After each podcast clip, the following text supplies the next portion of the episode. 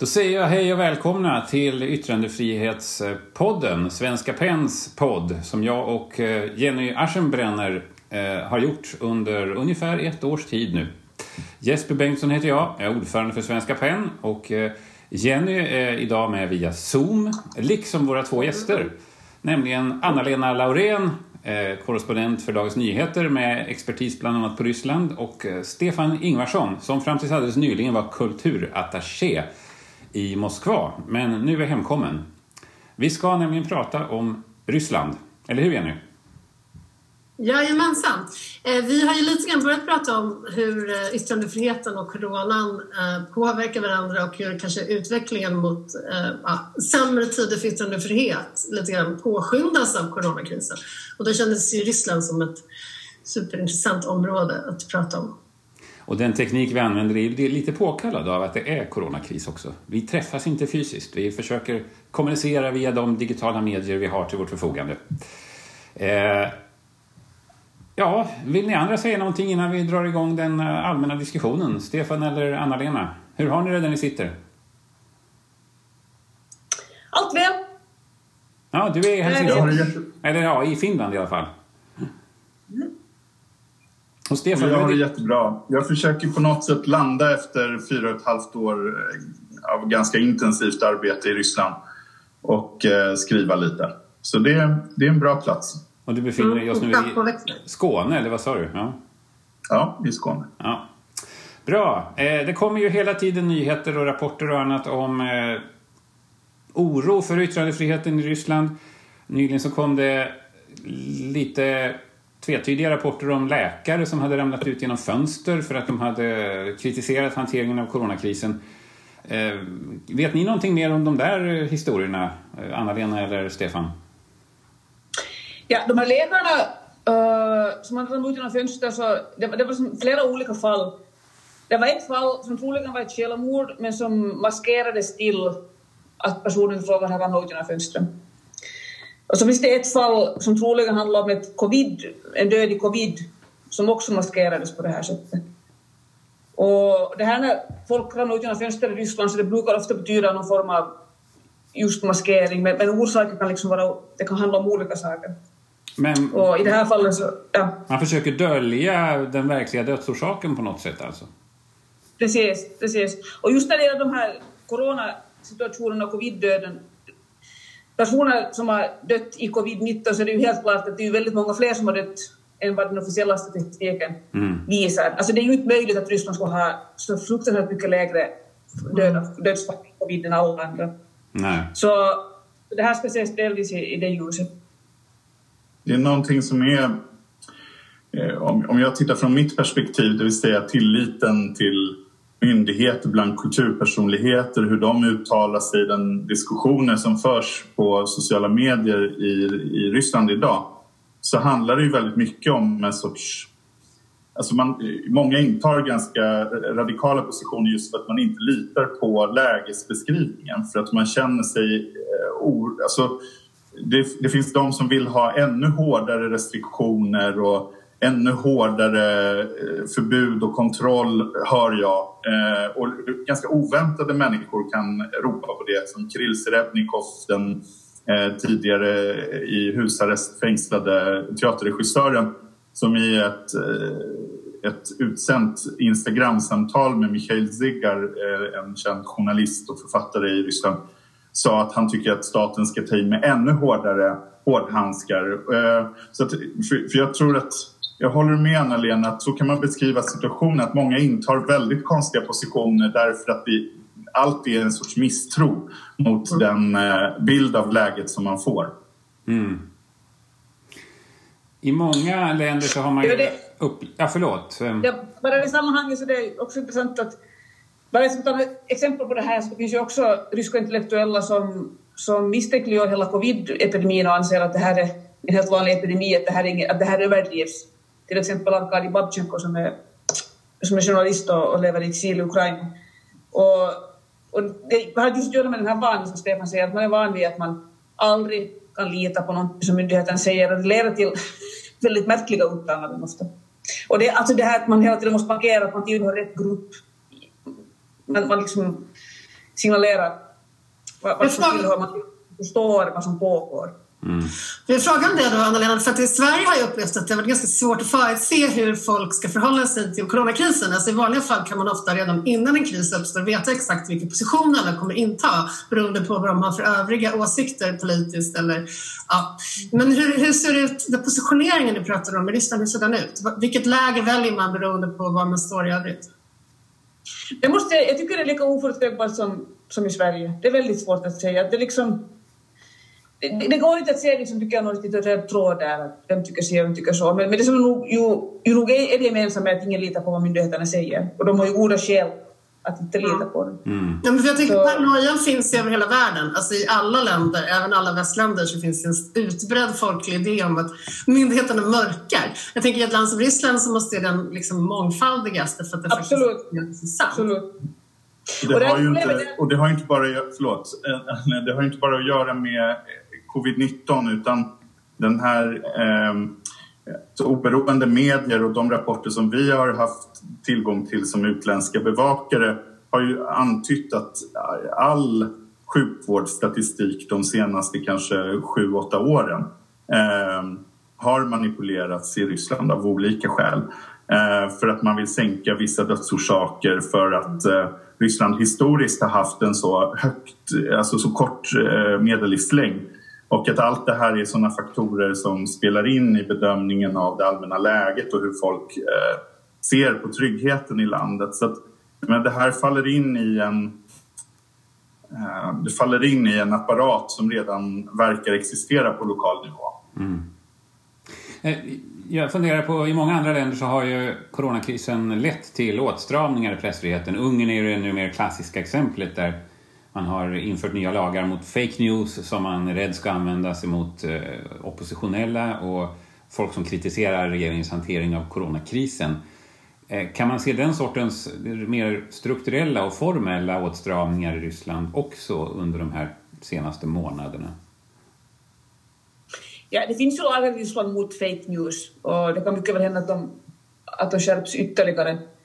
Men det som jag tycker man snarare kanske har sett i Ryssland är att att, att liksom eh, Putin väldigt tydligt har distanserat sig från hela coronakrisen och uttalat sig väldigt lite. Han har nog uttalat sig men ytterst sällan och varje gång han säger någonting är det bara att det här ska gå bra och, och han skuffar hela tiden under ansvaret till regionerna. Att nu senast till exempel så meddelades det att, Ryssland bör nu avveckla de här så kallade karantänåtgärderna. Vilket ju är vansinne, för att Ryssland befinner sig efter alla andra epidemier och den, den pågår, alltså den stiger fortfarande där. Och, och det, men det skuffar Putin väl till regionen att vi avvecklar principiellt regionen får bestämma vad de gör. Så att, jag tycker det kanske mera handlar om en sån här att den politiska att den politiska beslutsfattare Alltså regimen vägrar ta ansvar. Man, liksom, det är väldigt oklart var ansvaret ligger för att alla försöker skuffa över det på någon annan.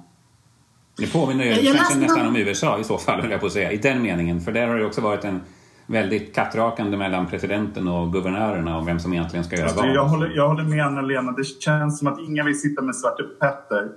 Eh, och det är lite det som är situationen i Ryssland just nu. För eftersom ingen riktigt... Jag tror ingen kan vinna några politiska poänger på den här situationen på något sätt. Och där, eh, alltså på själva sjukdomsförloppet och hanteringen av det och sjukvårdssituationen och, och så vidare. Så att man vill inte sitta på en Svarte Petter. Men jag tycker att det intressanta är ju de två andra händelserna som eh, har skett eller liksom passerat den senaste tiden. Det ena skulle ju vara den folkomröstning som skulle eh, ge legitimitet åt eh, president Putins nollning av eh, sin tid vid makten. Eh, och som de facto då skulle möjliggöra att han sitter kvar ja, i, i princip på livstid. Och att det inte ägde rum och att inga andra protester heller kan äga rum, eh, varken i Ryssland eller i andra länder, men att det liksom, vi har ett läge där det inte går att protestera på gatorna.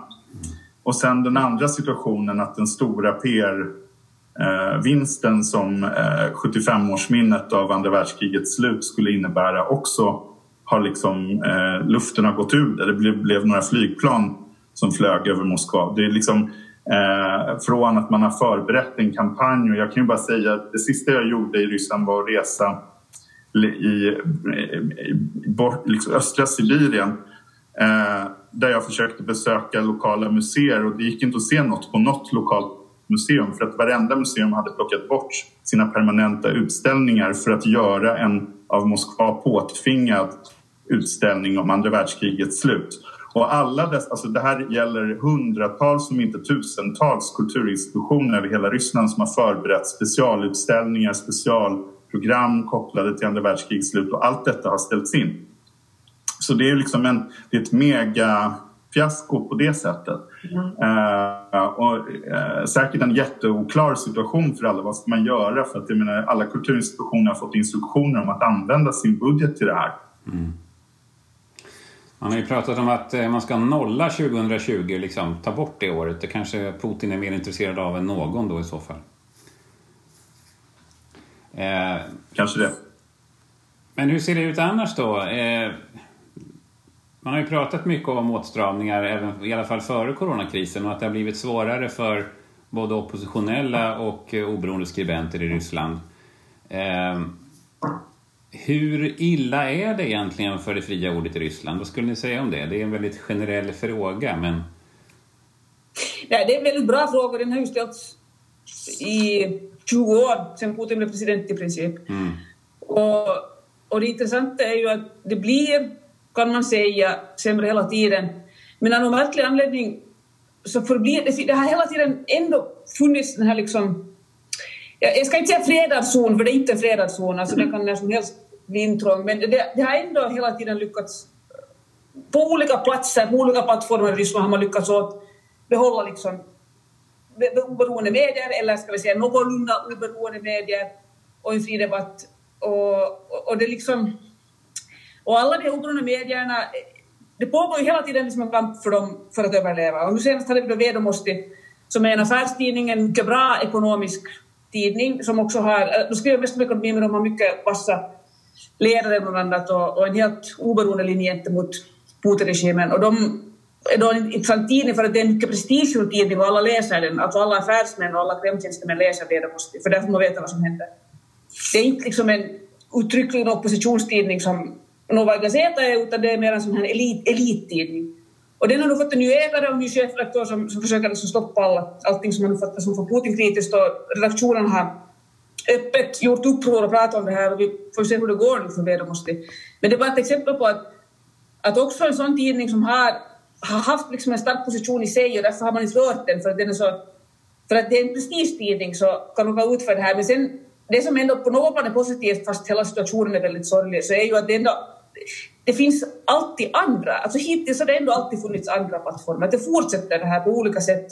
Men det som Kreml gör är att man hela tiden försöker tunna ut, man tunnar ut och tunnar ut och tunnar ut de här liksom på starka, gedigna institutionerna för fria medier som har funnits i Ryssland. Hittills har det hela tiden kommit nya, men det är klart frågan är hur länge det kan fortgå.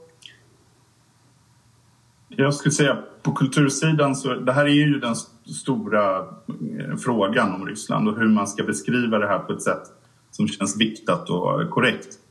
Eh, jag brukar ju alltid börja med att säga att Ryssland inte har en förhandscensur på det sättet som Kina har och det är att det är en väsentlig skillnad som många utom, alltså, betraktare eh, utanför Ryssland inte förstår. Att du kan inte gå till en censor och få en föreställning godkänd eller en utställning eller eh, en bok. Utan du, du svävar alltid i en osäkerhet när du publicerar, sätter upp och visar.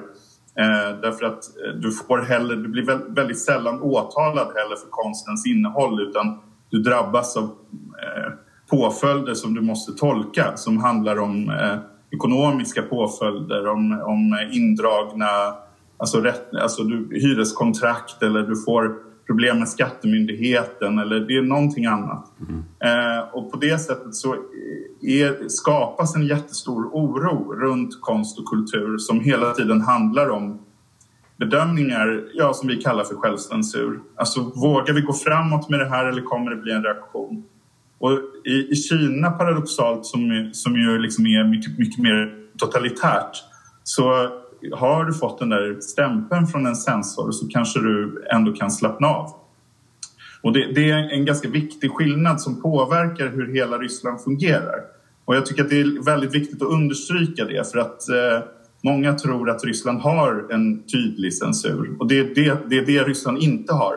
Och just den situationen skapar ju också de fantastiska öppningar som Anna-Lena nämnde och de finns ju på kulturområdet också. Och inte minst inom scenkonsten. Eh, och till exempel litteraturen kan man ju mer eller mindre betrakta som inte censurerad. Däremot är den ju hårt styrd i form av vilka som får priser. Ja, vilka som upp, får synas på tv, det är liksom helt uppenbart att det är liksom väldigt styrt. Men även vilka som får priser, vilka som visas, skickas till utländska mässor, vem som får stöd till översättning. Men även där, liksom, när man har sagt det så måste man ändå komplicera bilden för att det finns ändå en sorts medvetenhet hos de institutioner som stödjer det här att man då och då måste släppa fram ett alibi eh, för att hela det här systemet ska fungera. Och ibland får jag också en känsla av, att det här kan, skulle vi kunna diskutera i timmar, jag och Anna-Lena och andra personer som har verkat och bott i Ryssland de senaste åren. Är det liksom en, en sorts gammal KGB-mentalitet om att man behöver ha en ventil?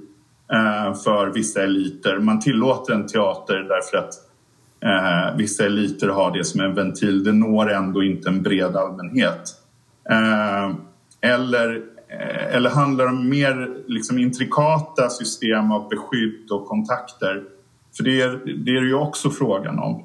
Eh, så många av de här platserna som paradoxalt nog kan vara hur, nästan hur fria som helst. För man kan, man kan se teater i Ryssland som är Eh, som tar upp jättehårda, viktiga samhällsfrågor idag på ett sätt som eh, ja, bara vissa eh, oppositionella medier gör. Och de, de finns där. De har det inte lätt, de har inga offentliga bidrag men de finns där, de där institutionerna. Och då tänker jag till exempel på en teater som Teater Dock i Moskva som har haft jättemycket problem med sina hyresavtal och som har haft massa saker hänt, som har hänt runt ensemblen men som fortsätter att finnas. Den blir inte nedstängt. Men kan man, tycker du, ska man kunna säga, du pratade lite grann om att de kan ta upp frågor som bara ett fåtal medier vågar. Alltså, går scenkonsten in och på något sätt tar ansvaret som liksom journalistiken inte kan ta? Nej men det tycker jag inte, förlåt om jag får avbryta här, det tycker jag inte man kan säga. Att journalistiken tar ju, tvärtom tar ju ryska journalistiken ett jättestort ansvar. Om man tänker på alla de journalister som gör ett mm. fantastiskt fint jobb och som aldrig får kredit för det, som för övrigt ofta inte får kredit heller i väst för det. Jag tycker det är ganska talande att, att, det, att den artikelserie som New York Times hade nu som ett Pulitzerpris för om Rysslands inflytande i världen, så där tog man fram uppgifter som hade funnits i rysk press tidigare. Och, och alltså det var, New York Times, det var, det var då inget plagiat eller så, de hade gjort sina egna grejer, men de hade själva fenomenet, till exempel Rysslands påverkansförsök i Madagaskar, så hade rysk press tagit upp. Men de blir inte ens hänvisade. Alltså, Röstams hade inte en hänvisning till den här ryska sajten som hade liksom tagit fram det. Att det är inte så att... Inte, jag, menar, inte, det, jag tycker att teatern och medien, på det sättet, eller kulturvärlden, det är ju ganska samma sak. Att större delen av medievärlden och större delen av kulturvärlden så anpassar sig, men sen finns det då en del som inte gör det.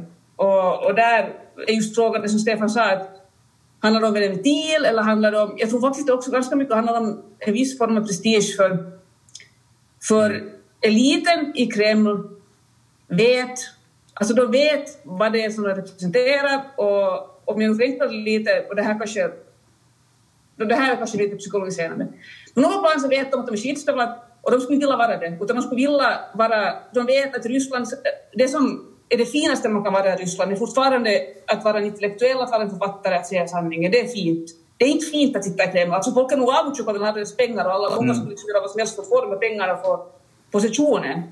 Men alla vet att det är inte fint. Det är fint att skriva att vara Vysotsky. Mm. Det är fint att vara Boato Bujava. Det är fint att ha den här dissidentrollen. Så det handlar lite om självbilden också, eller? Eller att man vill putsa på sin självbild på något sätt? Jag tror inte att man putsar på sin bild, men man vill på något sätt inte tillhöra det själv mentalt och tycka att egentligen så är jag på samma nivå som de där intellektuellt är på samma nivå. Och sen är man lite sårad för att, och sen vet man innerst inne att, att, de, att de inte accepterar det. Och det är det, det, är det värsta när man liksom blir avvisad. Så det blir en sån här lite märklig relation. Mm. Tycker jag. Jag håller, jag håller med Anna-Lena. Jag skulle bara säga som ett komplement till den här första frågan om eh, teatern fyller någon funktion i förhållande till nyhetsmedierna så skulle jag säga jag håller med Anna-Lena helt och hållet att nyhetsrapporteringen reportagen och så vidare existerar i, i de oberoende medierna på högsta nivå. Men jag skulle nog säga att det är någonting annat. Det handlar snarare om någonting som man skulle kunna kalla för samhällsdebatt.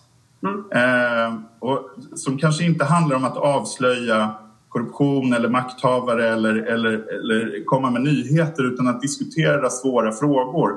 Och där skulle jag säga att den, svenska, eller den, den ryska teatern och filmen är väldigt bra på att lyfta frågor. Även den som till viss del anpassar sig är, är väldigt bra på att lyfta frågor som behöver ventileras, som behöver debatteras.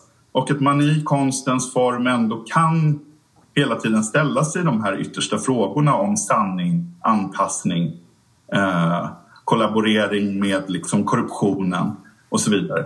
Och det, allt, allt det där tycker jag att... Eh, ja, och sen håller jag med Anna-Lena om att det, det är fortfarande så att det finaste man kan vara i Ryssland är intellektuell och konstnär. Och mm. det finns en enorm respekt eh, för kulturen.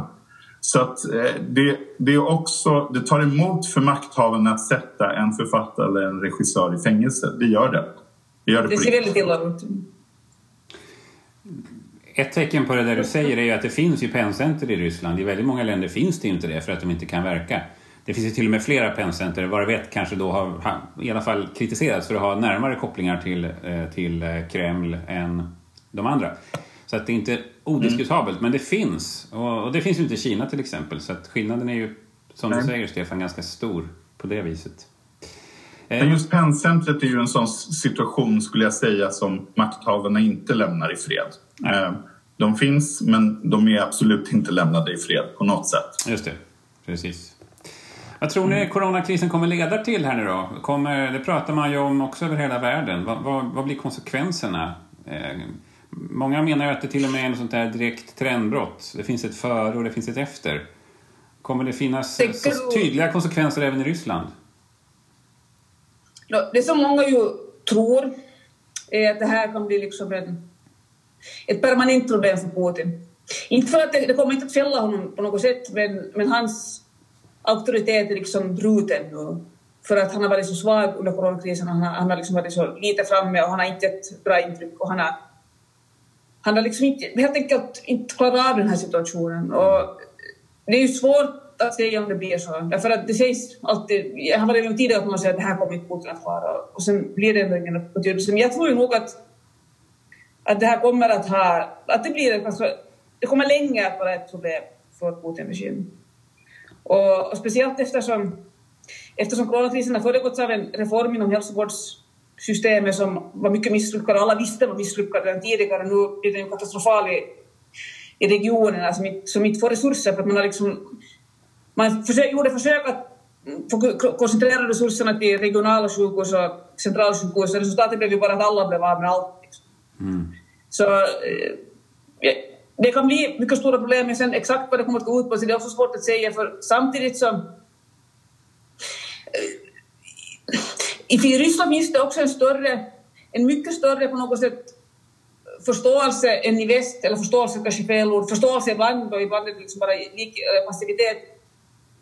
Det, det, kan vara både och. Inför det här, i, viss, i vissa situationer så måste man bara leva med en katastrof. Katastrofen kommer, den kom och corona i sig är de facto inte Putins fel. Den kommer och måste leva med det. Jag tror att vi har ju så mycket mer en reflex att utkräva ansvar vilket man inte har i Ryssland på samma sätt. Mm. Så det, det, kan hända att det är väldigt svårt att säga hur det här sen kommer att spela in. Men när det gäller att så, godta inskränkningar i yttrandefrihet, jag tänker att ni gav liksom två bilder. Å ena sidan att den här liksom, paranoian och misstro, liksom, misstron mot myndigheter och, och liksom, kanske vissa medier bara ökar och ökar, vilket man skulle kunna tänka då tydligt större motstånd mot begränsningar. Å andra sidan att andra, eh, att misstron också leder till att man faktiskt vill ha starkare eh, liksom restriktioner. Det kan ju också göra att man godtar mycket mer begränsningar, alltså så att man godtar kompromisser med, med demokratiska Um, Ja. Du har helt rätt Jenny och det är det jag säger, sa i inledningen att jag blev lite förvånad över att vissa kulturpersonligheter som anses vara liberala började ropa på eh, hårdare restriktioner för att man just hamnade i den positionen. Det vi pratade om, att de här positionerna blev otroligt slump, alltså svårförutsedda och, och ganska yt, alltså ytterlighetspositioner.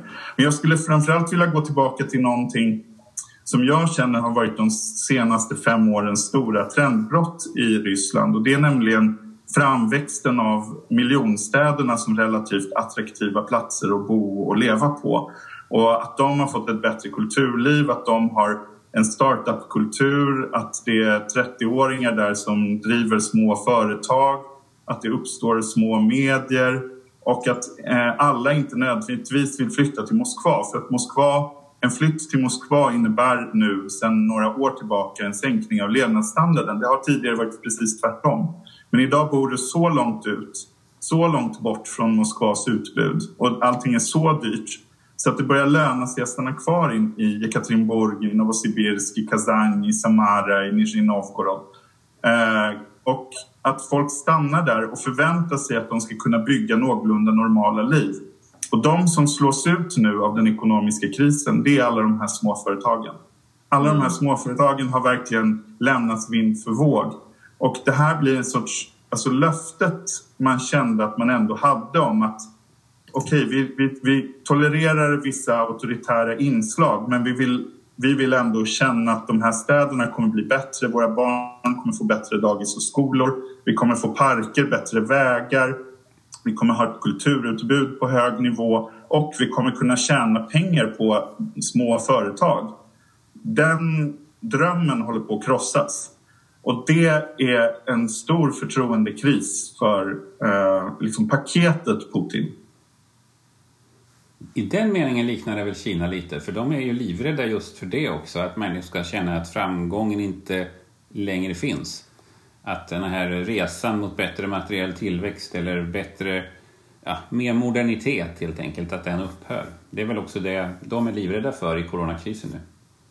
Alltså hur mycket, det här känner du säkert till bättre Anna-Lena, men hur mycket paketet Putin än försöker framställa sig själva som en Eh, process av diversifiering och liksom utveckling så, så är det, en, en, det är ett råvarutjuveri som styr Ryssland. Och mm. eh, råvarutjuveriet har liksom inget inbyggt intresse att vara någonting annat än ett råvarutjuveri. Ja, alltså skillnaden med Kina är just det här, eller jag håller med om det, Kina så så finns det en annan, ekonomin är ju mer utvecklad, alltså det finns mycket mer småföretagare och, liksom, och, och mellanstora företagare och, och på något, liksom mer självständig, mer självständig ekonomi än i Ryssland. Självständig, det är klart att Kina är ju en diktatur, men, men jag har en uppfattning att dess ekonomi är stabilare än den ryska för att den är inte lika råvaruberoende.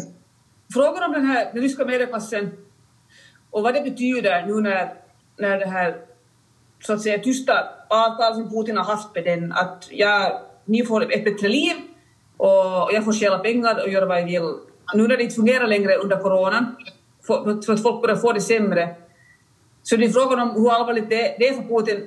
Men där är det viktigt att komma ihåg att, att den ryska medelklass som, som finns är fortfarande ganska liten, att Putins viktigaste väljare är ju statsanställda och personer med, med låg lön inte, inte, inte nödvändigtvis utfattiga, men, men liksom låglön, personer som inte äter mycket och, och som lever liksom ganska ur hand i mun. Och då, deras situation har kanske inte ändrats lika mycket. Den har säkert försämrats för många, men den kanske inte har försämrats lika mycket som för den här så kallade kreativa klassen som är företagare och, som hittar på egna grejer och, och så här. Så, så det, det är inte säkert att den här dippen i levnadsstandarden det är inte säkert hur allvarligt det är för Putin, men allvarligt är det naturligtvis.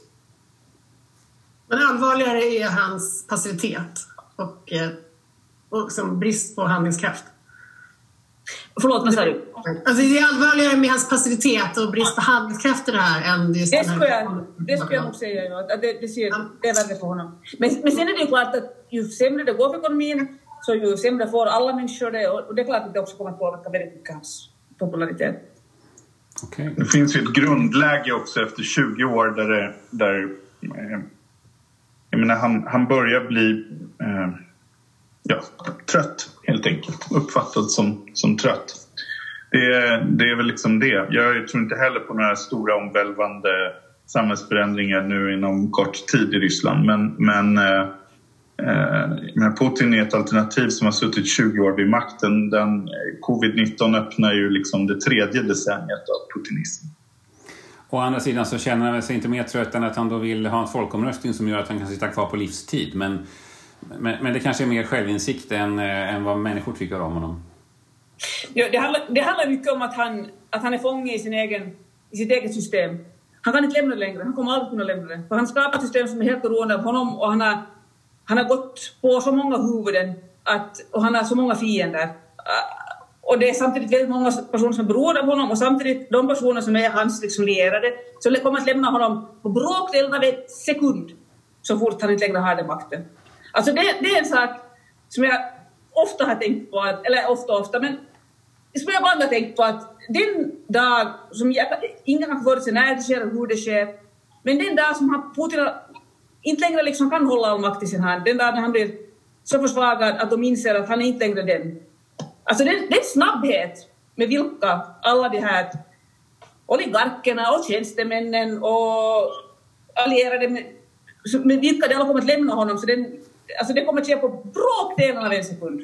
Han kommer, han kommer att bli så ensam direkt och han vet det. Mm. det. Det är ju därför han inte kan göra någonting. Mm. Jag håller med. Det, det viktiga för oss nu det är kanske att ställa oss frågan vad vi kan göra i omvärlden. Och eh, från omvärldens sida skulle jag säga att det är jätteviktigt att vi, vi ser att ett intresse från eh, andra länder och från intellektuella eliter påverkar politiska, politiskt motiverade processer eh, i Ryssland. Vi ser att eh, kulturlivet får en, en viss typ av säkerhet när det är eh, uppmärksammat i andra länder. Så det, det, finns mycket att göra när det gäller om, omvärldens stöd till det fria kulturlivet i Ryssland. Mm. Okej, hörni. Jag, jag, vår, jag tror att vår tid börjar eh, rinna ut. Mm. Ett mycket intressant eh, ämne och eh, mm. personligen lärt mig jättemycket om eh, Ryssland. Kul att prata med folk som har så djupa insikter i ett land som man själv bara har ytterst ytliga insikter i.